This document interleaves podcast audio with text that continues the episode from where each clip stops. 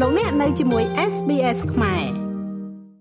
ការព្យាករណ៍ដ៏ភ្ញាក់ផ្អើលមួយដែលថាអូស្ត្រាលីនឹងជាប្រទេសដែលក្រីក្រជាងមុន មានផលិតភាពទាបជាងមុននិងមានអាកាសធាតុក្តៅជាងមុន បង្កើតបានជាស្នូលនៃរបាយការណ៍អន្តរជំនាន់ចុងក្រោយបង្អស់ឯកសារដែលចេញផ្សាយដោយរដ្ឋាភិបាលសហព័ន្ធនេះសម្លឹងឈ្មោះទៅ40ឆ្នាំខាងមុខដោយផ្ដល់នូវការព្រមានយ៉ាងម៉ឺងម៉ាត់អំពីបញ្ហាប្រឈមខាងសេដ្ឋកិច្ចនាពេលអនាគត ប្រជាជនអូស្ត្រាលីត្រូវបានគេផ្ដល់ឲ្យនៅរូបភាពនៃអ្វីដែលប្រទេសនេះទំនងជានឹងជួបប្រទះនៅ4ទសវត្សរ៍ទៀតចាប់ពីពេលនេះទៅជាមួយនឹងការចេញផ្សាយនៅរបាយការណ៍អន្តរជំនាន់ទី6ផលប៉ះពាល់នៃការប្រែប្រួលអាកាសធាតុគឺជាលក្ខណៈពិសេសនៃរបាយការណ៍ឆ្នាំនេះហើយវាគឺជាការអានដ៏ក្រៀមក្រំមួយវាកើតឡើងនៅពេលដែលរដូវកាលភ្លើងឆេះព្រៃដ៏គ្រោះថ្នាក់មួយទៀតខិតជិតមកដល់ ហើយផ្នែកខ្លះនៃប្រទេសនេះនៅតែស្ថិតក្នុងការស្ដារឡើងវិញពីទឹកជំនន់ជន់លិចដ៏មហន្តរាយនៅឡើយ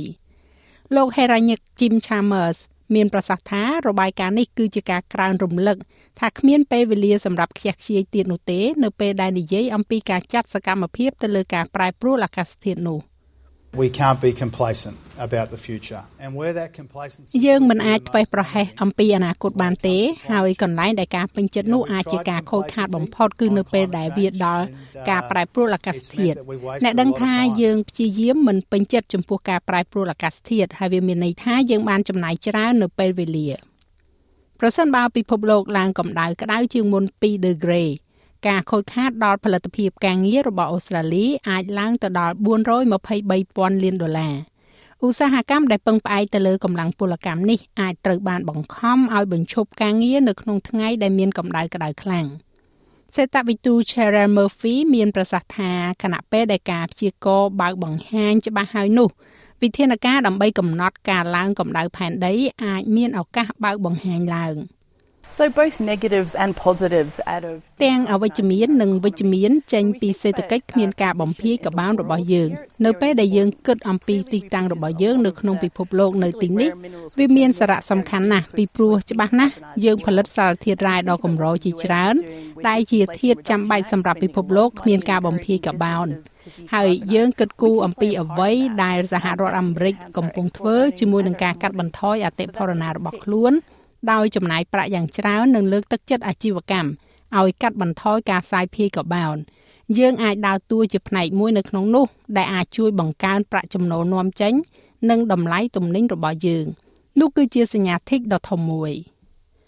គេរំពឹងថាចំនួនប្រជាជនរបស់ប្រទេសអូស្ត្រាលីនឹងកើនឡើងដល់40លាននាក់នៅដើមទសវត្សរ៍ឆ្នាំ2060 ហើយវ័យជាមធ្យមត្រូវបានគេរំពឹងផងដែរថានឹងកើនឡើងពី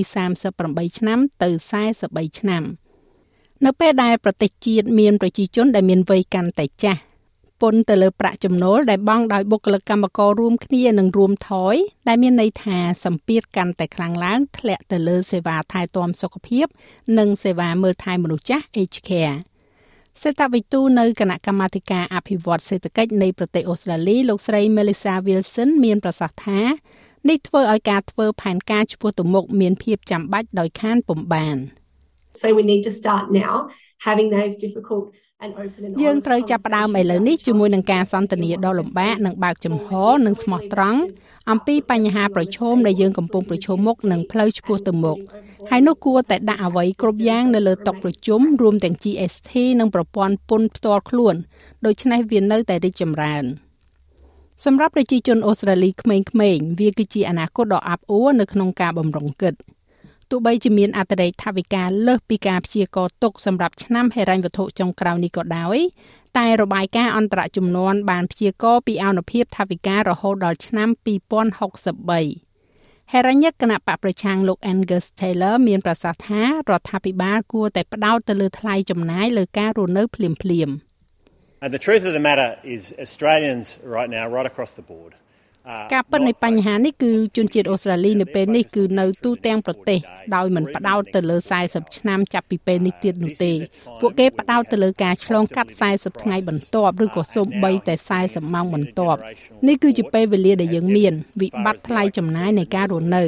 ហើយឥឡូវនេះលោកហេរ៉ាញ៉ាកំពុងផ្ដល់ឲ្យយើងនៅរបាយការណ៍អន្តរជំនាន់ដែលមានអនុភាពតាមដែលភ្នែកអាចមើលទៅឃើញប៉ុន្តែមិនមានជាដំណោះស្រាយដែលមើលឃើញនឹងភ្នែកនោះទេ អនាគតសម្រាប់ប្រជាជនអូស្ត្រាលីជាមួយនឹងការយកពន្ធកាន់តែច្រើន ការចំណាយកាន់តែច្រើន និងអូស្ត្រាលីកាន់តែធំប៉ុន្តែគ្មានដំណោះស្រាយចំពោះបញ្ហាប្រឈមដែលយើងកំពុងតែប្រឈមមុខបច្ចុប្បន្ននោះទេ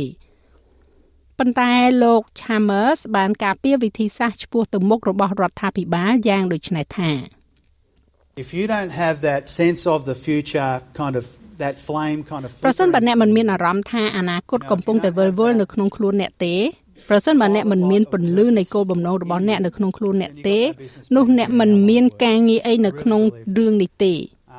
ហើយប្រសិនបើអ្នកមិនមានពន្លឺនៃគោលបំណងរបស់អ្នកទេពន្លឺដ៏តូចនៃគោលបំណងរបស់អ្នកកំពុងឆេះបំភ្លឺនៅក្នុងខ្លួនអ្នកទេនោះអ្នកគួរតែជៀសផ្លូវចេញហើយទុកឲ្យមនុស្សដូចជាពួកយើងគឺជាអ្នកធ្វើនៅរឿងនេះវិញ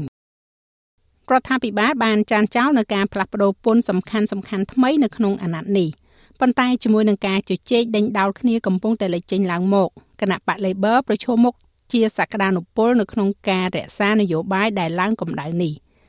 ចាស់ហើយរបាយការណ៍នេះចងក្រងឡើងដោយ Anna Henderson និង Angelica West សម្រាប់ SBS News